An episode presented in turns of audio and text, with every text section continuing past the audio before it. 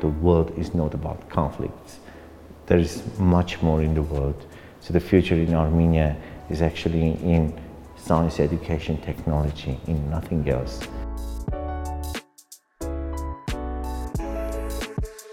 Well, we're so happy and thankful that you are bringing the festival to Armenia and um, are also enabling a thousand of our students from Teach for Armenia's partner communities in Armenia and Artsakh to attend and benefit from the festival.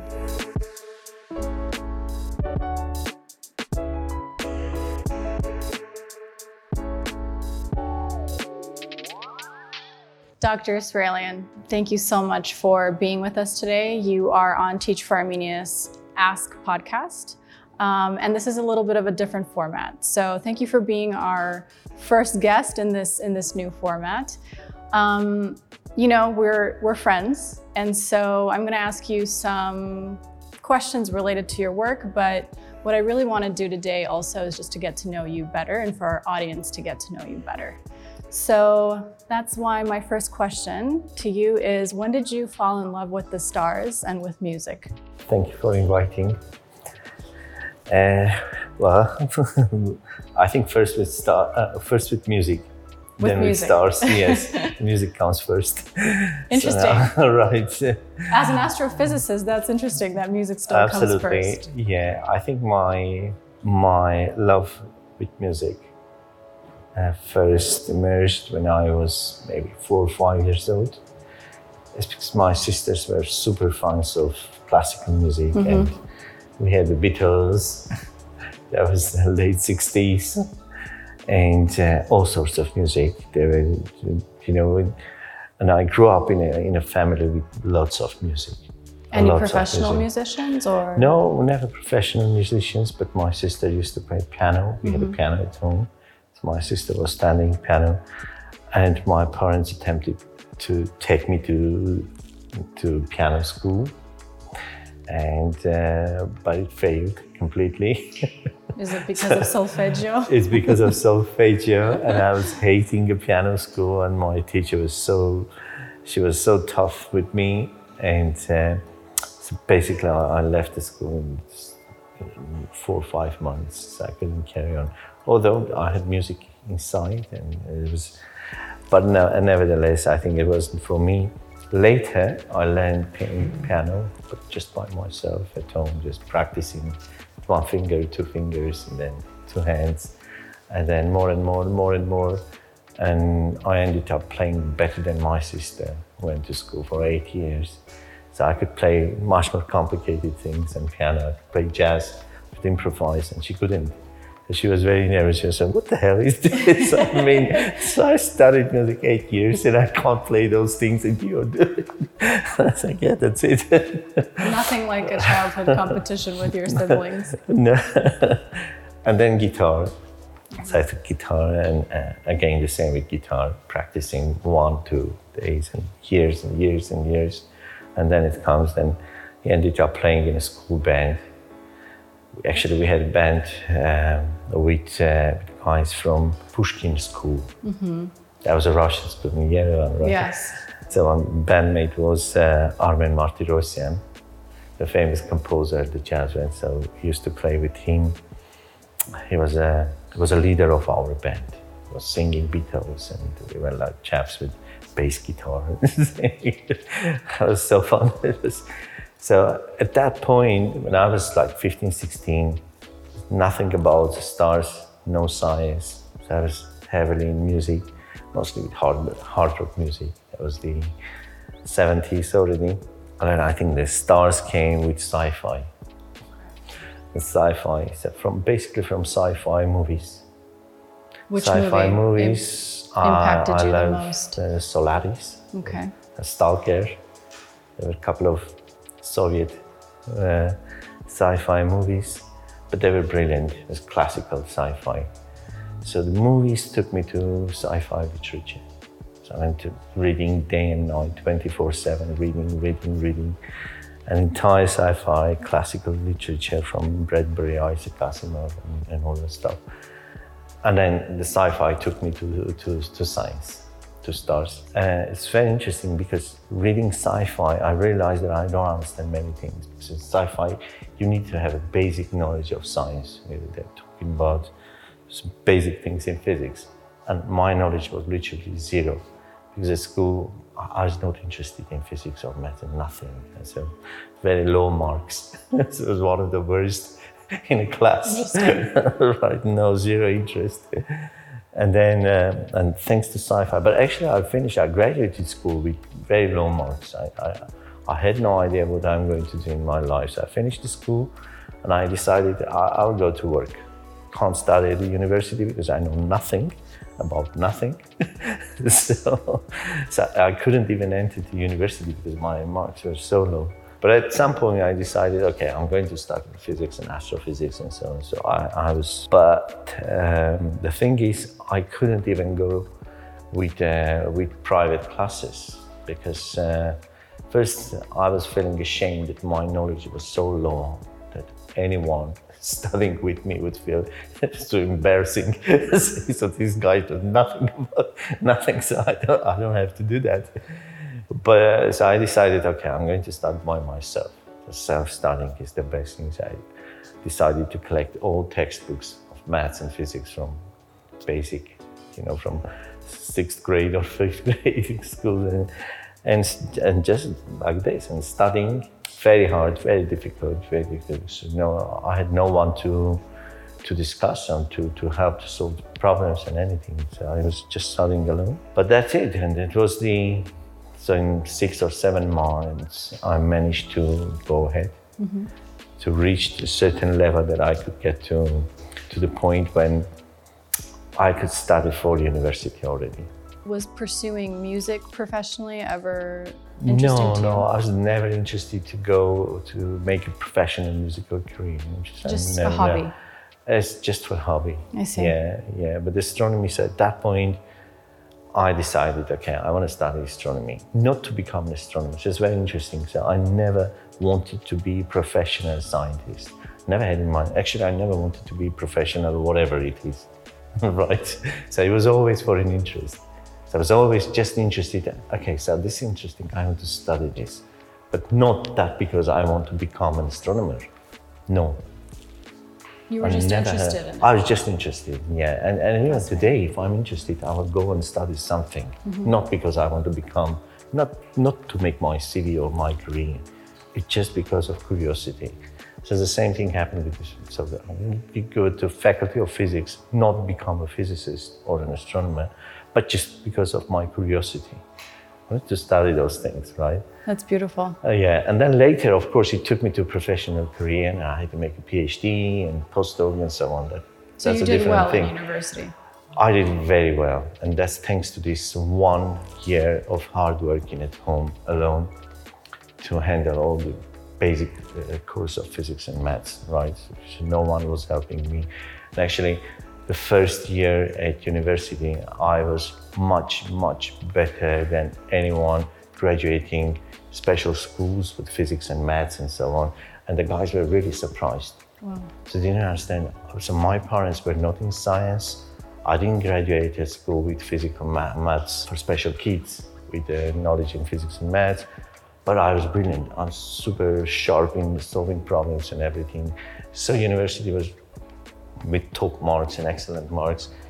But and I couldn't even attend lectures. I never, I never attended lectures at university. You were just a self-learner. I was a self-learner, and all my life I was a self-learner. I'm actually very bad in in hearing lectures. I fell in asleep. I can't, I can't stand more than 15 minutes a lecture because you have to be brilliant, super lecturer, kind of an actor, someone to to capture my attention for more than 15 minutes. Yeah. it's very hard because I just disconnect 15 minutes later.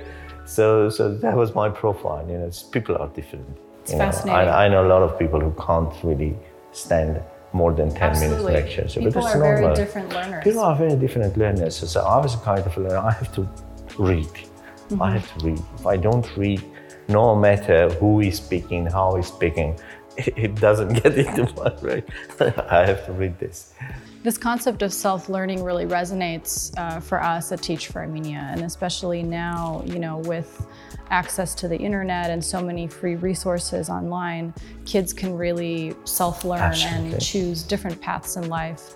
Um, and you know their financial circumstances or where where they're born doesn't necessarily have to dictate you know what kind of profession they choose the the world is sort of much more open and so hearing you do this exact thing back then when you know you were living in the Soviet Union and there wasn't a lot of this available Absolutely. information. Absolutely. If it's still possible, if it was possible for you back then, it's Absolutely. definitely possible now. Because I had a brilliant library of physics and maths. I was buying books. Books were very cheap actually. So you could go to, to, to bookstore and buy the best books in physics and maths for nothing. So me as a student, I had a brilliant library and I used to study with books and that's it. With different books. But today you have even more options thanks to YouTube and thanks to these courses and so. I was always wondering because we complain that in Armenia we don't have enough teachers in physics and maths and so on. So we need brilliant teachers, yeah. those who can inspire and so on. And it's not easy to get them in any country, not just in Armenia. It's a problem, right? Mm-hmm. So I thought, why don't we organize, why don't we find the best someone who in Armenian can give amazing course in physics and maths, record this in a video for YouTube. That makes sense. Brilliant. You will see how many followers that you get. Yeah. You get amazing, inspiring one teacher in Armenia. You just find that one. Who is the one? Who is this guy? Who is who is she or who is he? Who is the one?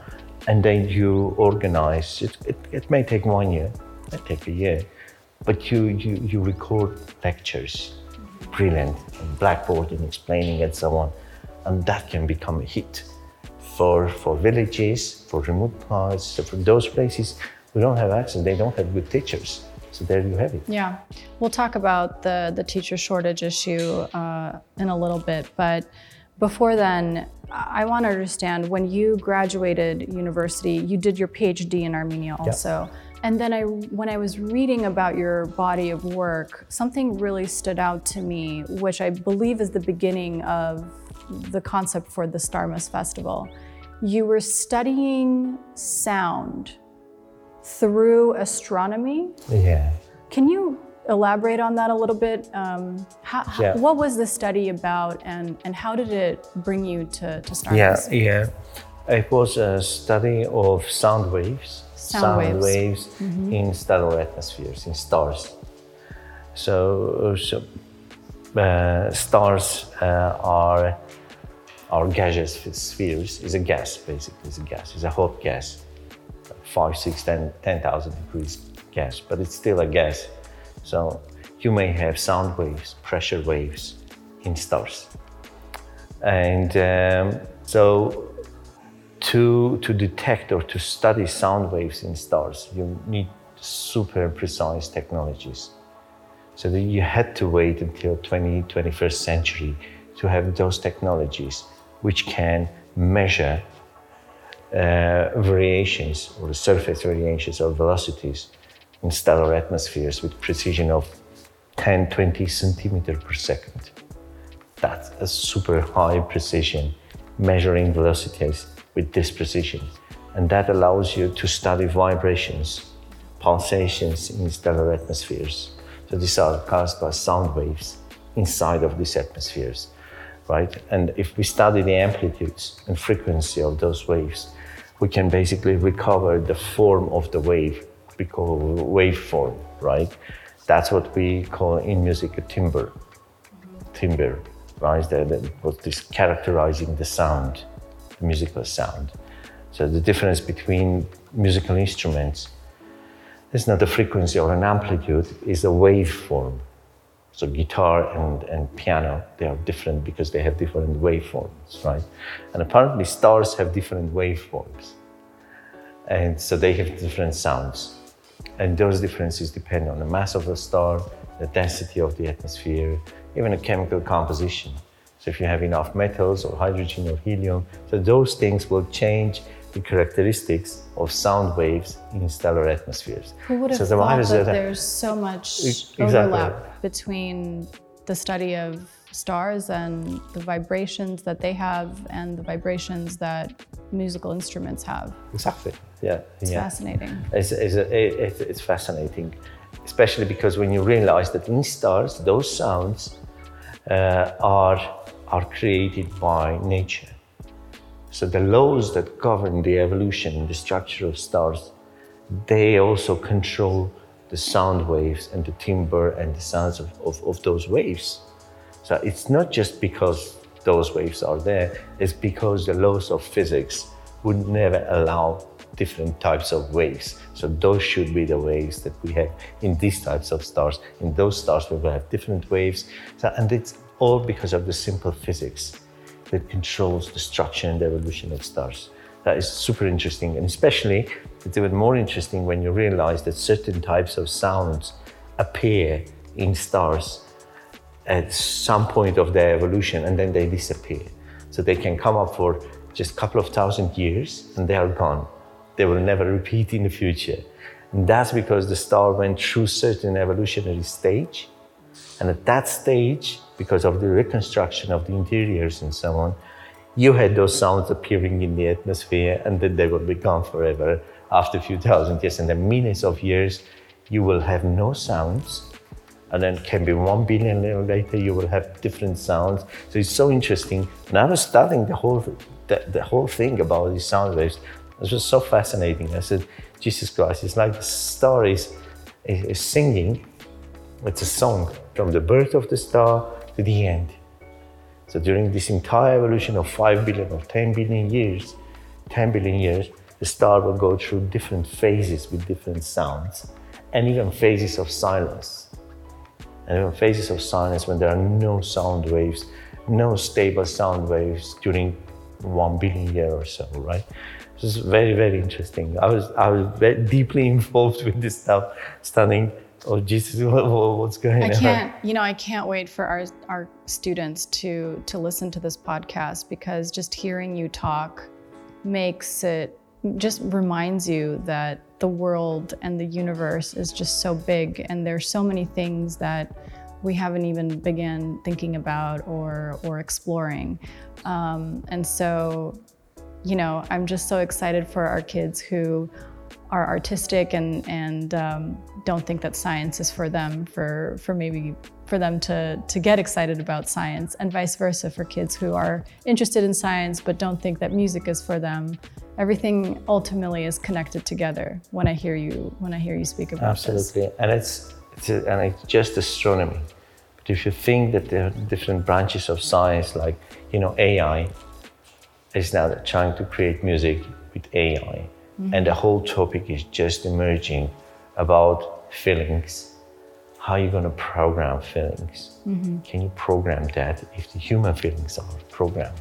If they are caused by any chemical reactions and all that stuff, and can we program that? Can AI create feelings? And so when you go deep into this and try to merge this with the music world and with arts, it's it's just amazing. It's a whole spectrum. So I think it's a very exciting times for those who want to explore this cross section, this this merger of arts and, and, and, and, and science. And I always say that some more and more artists interested in science because science is becoming very cool. It's becoming even more exciting than before. And because they have access through internet, through lectures, to festivals like Starmus, a lot of artists go just to enjoy the talks and talk to scientists to say what these guys are doing. This is very interesting. And so that's why as artists, artists need inspiration. They need the art is based on feelings. You have to feel something to create, right? An artist, they're just always exploring what they can feel. They can be inspired here or there. Because I, was always saying, the standard feelings, the standard arts for two, three thousand years, is based on standard feelings like hate, love, and you know heroes and, and all that stuff. But now, at the 21st century, you have many different feelings affecting and uh, inspiration through genetic engineering and Right. so what means to be human. Right. Can you create an artificial human and what's behind this, you know? So when artist gets into this, they they're shocked. They, they think, Jesus Christ, what what is this? Right. And so, am I right to say that this idea for Starmus um, was born through your study of the sound and the stars, and you co-founded it or you you conceptualized it with someone who's actually a very well-known Yeah. musician? Yeah, with Brian May. Exactly. Uh, Yeah. uh, he was with the band Queen, and uh, he also was interested in, in science and, and I think became an astronomer. yeah, yeah. He actually, for Brian, was just the opposite. He started as an astronomer. He started as an astronomer. He started as an astronomer. He was uh, he was an amateur musician and so on, but he decided astronomy as a as his as his uh, job, as his uh, as his um, profession, right? So he started a PhD in Imperial College, and then he was sent to Tenerife to Canary Islands when he was 20, 22, I think. So a young student was sent to Canary Islands for one year to do observations of zodiacal light from Tenerife, from the place where I am based now, Canary Island. So he spent one year top of the mountain in Teide doing observations of zodiacal light for his PhD thesis. And uh, he published papers in astronomy, professional papers, and his PhD was nearly ready and for, for submission. And at some point he decided, okay, that's, I'm not going to continue this. I want to go to do music. So Brian left science and left astronomy. He returned actually to London and formed Queen. So his parents were very upset. So his dad was super upset because his dad was an engineer and his dream was that his son would become a scientist.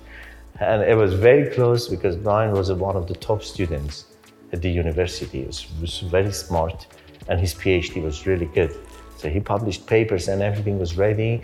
He was really going out and then suddenly he decides, no, stop, I'm doing music. So he was telling me that his parents were so upset with him. But they were probably proud of him later Uh, and then later, yeah, his dad, he realized that probably that was a The right, right decision because he was happy with music, right? Right. So, and then many, many years later, when we met in, in 98, something 25 years ago, we met and we became friends. And I slowly convinced him to finish his PhD. at PA. So I was, he was a bit scared and saying, no, no, no, that's too much. I can't do it. It's been already 25 years. And, uh, and then I said, no, but the work, job is done. Basically, you published your papers, you finished your work. Now you just have to submit your PhD. You should write a new introduction, change a couple of things, and your thesis is ready. And um, because he's a perfectionist, he's a perfectionist. It has to be now. Everything has to be perfect for Brian. So he said, "I can't do it. This is too much." You know. And so it took me actually four or five years slowly to persuade him. And at the end, I said, "Okay, let's do it. let's do it." And you did it. Yeah, and we did it, and we did it, and uh, I think he was happy that this work was completed. The page, and I was always telling Brian, turn the page. You have to. You never do anything and leave it. Uh, you always finish things. Yeah. So why a PhD is is left behind and without complete? And I was saying, yeah, that's right, but that's difficult. It was a different time, blah blah. But at the end, so we finished. We submitted PhD, and then we were talking about science communication, how important is astronomy, why we have to inspire kids with music and, and, and science. And then so gradually, again, it took us about 10 years to come to this idea of Starmus. It didn't happen in a year. So we had so many discussions about why we have to spend money on science, why astronomy. You know, astronomy today, James Webb Telescope is 10 billion euros project. So a lot of people ask me, well, why do we have to spend 10 billion to have a project space space telescope six meters, six and a half meter wide, just to take these nice pictures? Yes, that's why we have to spend taxpayers' money, 10 billion, and then operational cost of a telescope during the next five years is again fantastic. It's so expensive. why we have to do it. So we've been discussing those things with Brian for many years. So, and then we realized, okay, we have to open this discussion to create a festival, and we need the help of artists. And you founded Starmus in we found this- 2011. exactly. We founded it in 2011. And we also realized that we need to join forces with those artists who appreciate science, who respect science, who like science, who think that the world cannot survive without science. So we need it. and um, unfortunately, there were many artists like him thinking that um, there's no future and the world will be a, horrible place if we don't value, if we don't support science, if we don't recognize science. And a brilliant example is the film Don't Look Up, Yes. which is one of my favorites now. I think it's a very strong message. It's a super strong message to the world where we are at this stage, I you know, agree. with with science communication. So, so this was So, can I ask you a question just as an Armenian? Um, I know you're very proudly from Armenia. I know you come here a lot. You've done so much for Armenia very quietly, also over, over the years. And I know that the festival, you probably thought of also bringing it to Armenia probably since its inception. I know that you wanted to do it in 2021, but you couldn't because of COVID. So, why did you ch- choose or decide to, to do the festival in Armenia this year? Yeah, but uh, well, uh, we actually postponed the festival, right? At some point, when the, the war in Ukraine started just a couple of months ago, so we had a meeting of our advisory board. So we were saying, this is this is insane. I mean, and, and the whole situation is so bad. Maybe we have to. We don't have to do it. We can just move and do it somewhere else, right? And then I was insisting, I was saying, no, no, Armenia needs this festival, especially now, after war, after this very difficult situation in Armenia, especially for young people. We need to give them this shot of inspiration. We need to bring this, this atmosphere of Starmus. We have to show them that the world is not just about wars. The world is not about conflicts there is much more in the world.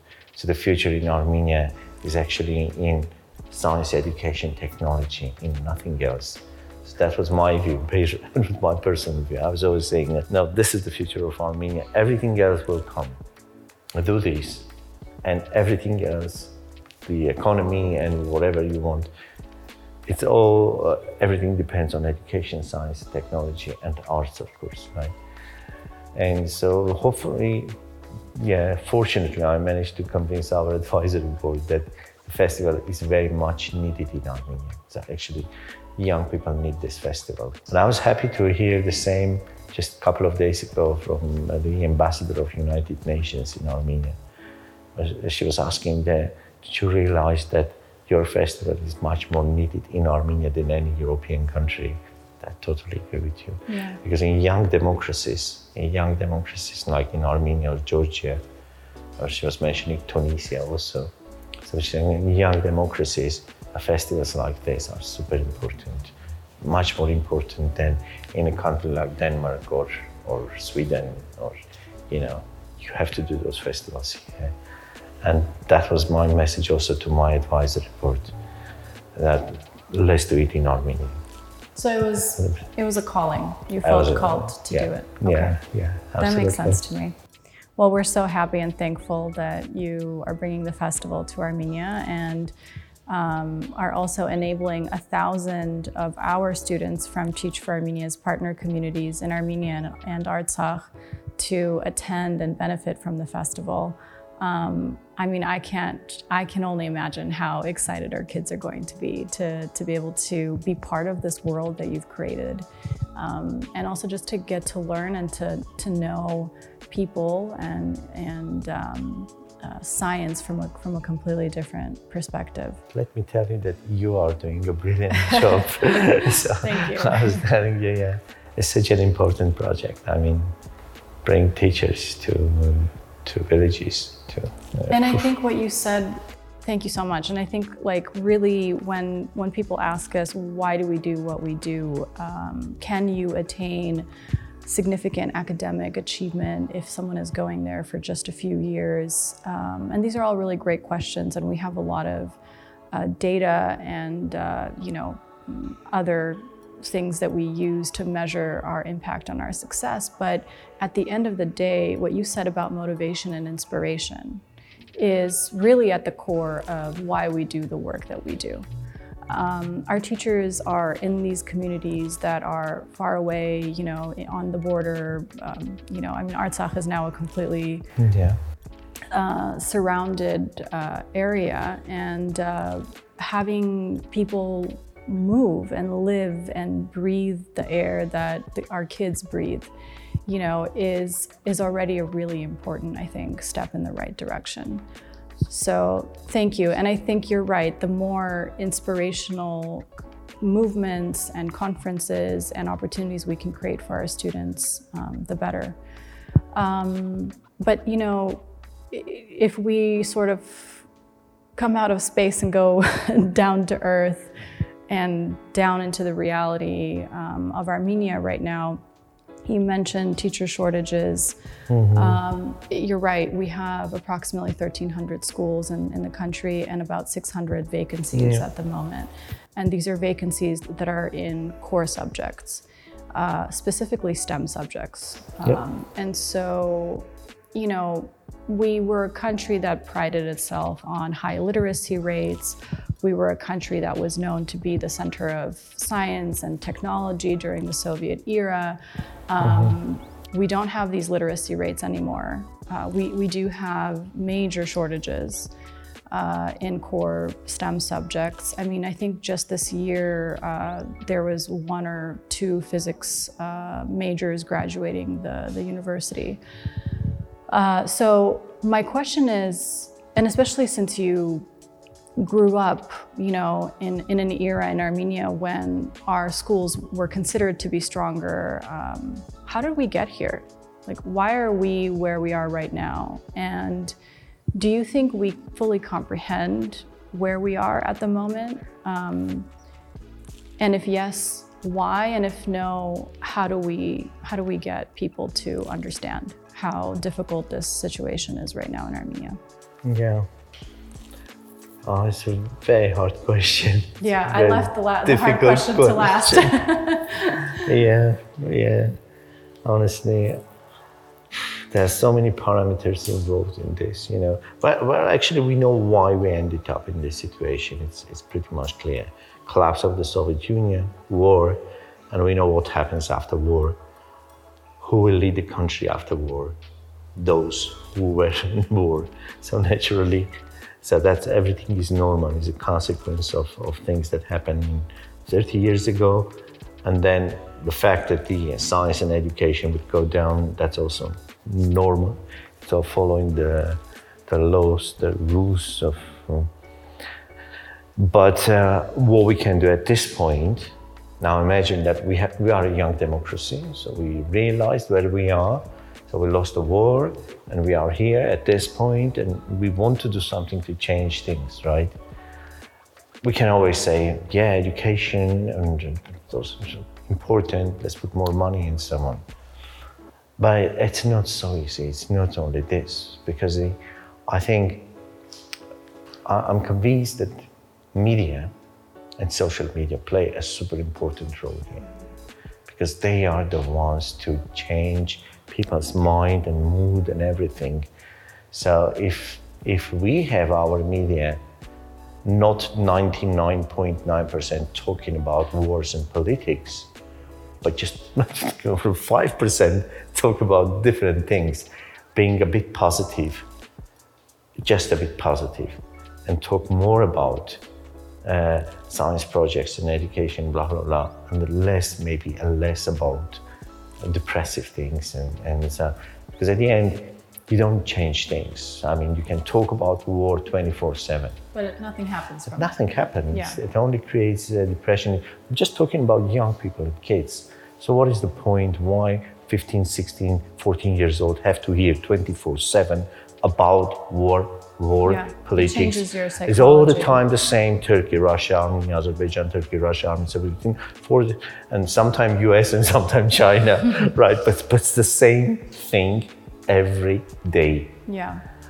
So I think that's a very serious. I think you're problem. totally right. And very I serious problem. You're yes, and you know, change happens over time, and I know a lot of us want change to happen overnight. You know, and I think you're right. It's important to talk about good things that are happening just in the education sector.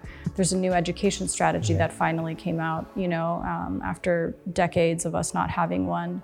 There are, uh, you know, improvements in uh, conditions for teachers. They might not be incredibly significant or substantial yet, but there's a there's a move in the right direction. yeah. So, you know, when I think about other cases, like we like to talk about Finland and we like to talk about Singapore, I mean, these were all countries that were, uh, you know, not doing too well uh, just under 100 years ago. Uh, and have made significant progress. So there was always a starting point, and I think our starting point is actually much farther ahead than some of these other countries. So I'm personally very positive and I'm very hopeful. And you know, when I look at our kids and when you look at the volunteers that are working for Starmus, and once you meet our students also, um, and you see that they just need a spark to become that bright spot for the country and for our nation, Yeah. Um, then your whole your whole thing changes, and you I think stop talking about the problems and you start acting. Yeah, yeah, yeah. And I think that our public TV, they should invite you and, and people like you regularly, every month, every three weeks, to discuss real problem, problems in Armenia, to have debates, to have panel discussions, to have, so they have to do those things so often. And the, the, the, those panels and debates have to be about how to improve education, what to do for science, and so on and so on. If you follow now, it goes 99.9% about politics again. Yeah. It's all the time the same faces, same people, the same guys who are in politics will appear on the mainstream media 100 times a month, 100 times a week. I hardly see you on mainstream and public TV. That's wrong, but this is why the problem is there. The problem is there. the problem is because I see the party leaders, some unknown party leaders, every two hours on a TV talking about the same thing. Talking about exactly the same. You would think that these guys are Nobel laureates, they have brilliant ideas. Mean, no, nothing. Nothing even close. So my question is why, and there are people like you, there are people like you who are trying to, to improve education, to this, to do that, and so on. So you should be there. Just a disclaimer: I did not ask for this I know. I know, but that's my, but that's my my view. Thank you, and, Dr. I, and, and I know people who are actively are trying to change things in Armenia, but from a different perspective. Yeah. So I would say, so these people need to have much, much more attention in media. Well, my what I'm happy about personally is that um, with the with Starmus, we actually do have a lot of you- you're you know the Starmus story that that come that takes you know pops up in, in media platforms is Yeah. one of my favorite stories to read. So hopefully, at least in the month of September, we'll have Yeah, you know more positive stories than not. Um, I want to end our conversation today with just asking one last question, and that's you know, what keeps someone like you up at night? Like what are what is a question that you ponder and is it the red planet? No, not the red planet. I think um I have two things. No, I have a couple of things going on. So you have a few things that A keep you up at night. The one thing is Starmus, of course, and I'm trying. I'm always thinking how to make things better, how we how, how to make Starmus more attractive and so on. Right. So one thing is Starmus. The other thing is the science, my science projects. So I'm- doing a couple of interesting things in science. So so one is related again still to, to, to compact objects, to black hole stuff.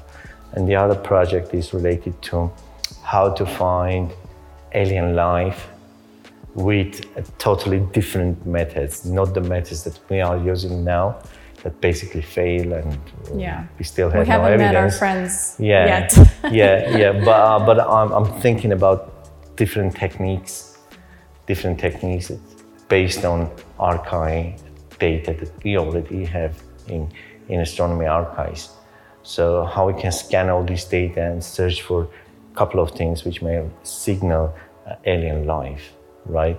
So I've been working on these projects for the last two, three years, and it's, it's very exciting. So I'm getting more and more excited with some results coming already very soon. And so that takes my time. And obviously music, so I'm always playing at home and doing some of my, my, my stuff. You know, uh, Dr. Israelian, you're just, to me personally, very inspirational because it just goes to show that a person can have really different angles to them and be Definitely, successful yeah, in yeah, multiple facets. So, thank you so much for sharing who you are with us today. Um, and just a request if you do uh, find a way to, to those aliens, can I be one of the first people that finds out about it? Absolutely, I promise. All right, thank you so much. Thank you very much. Thank you.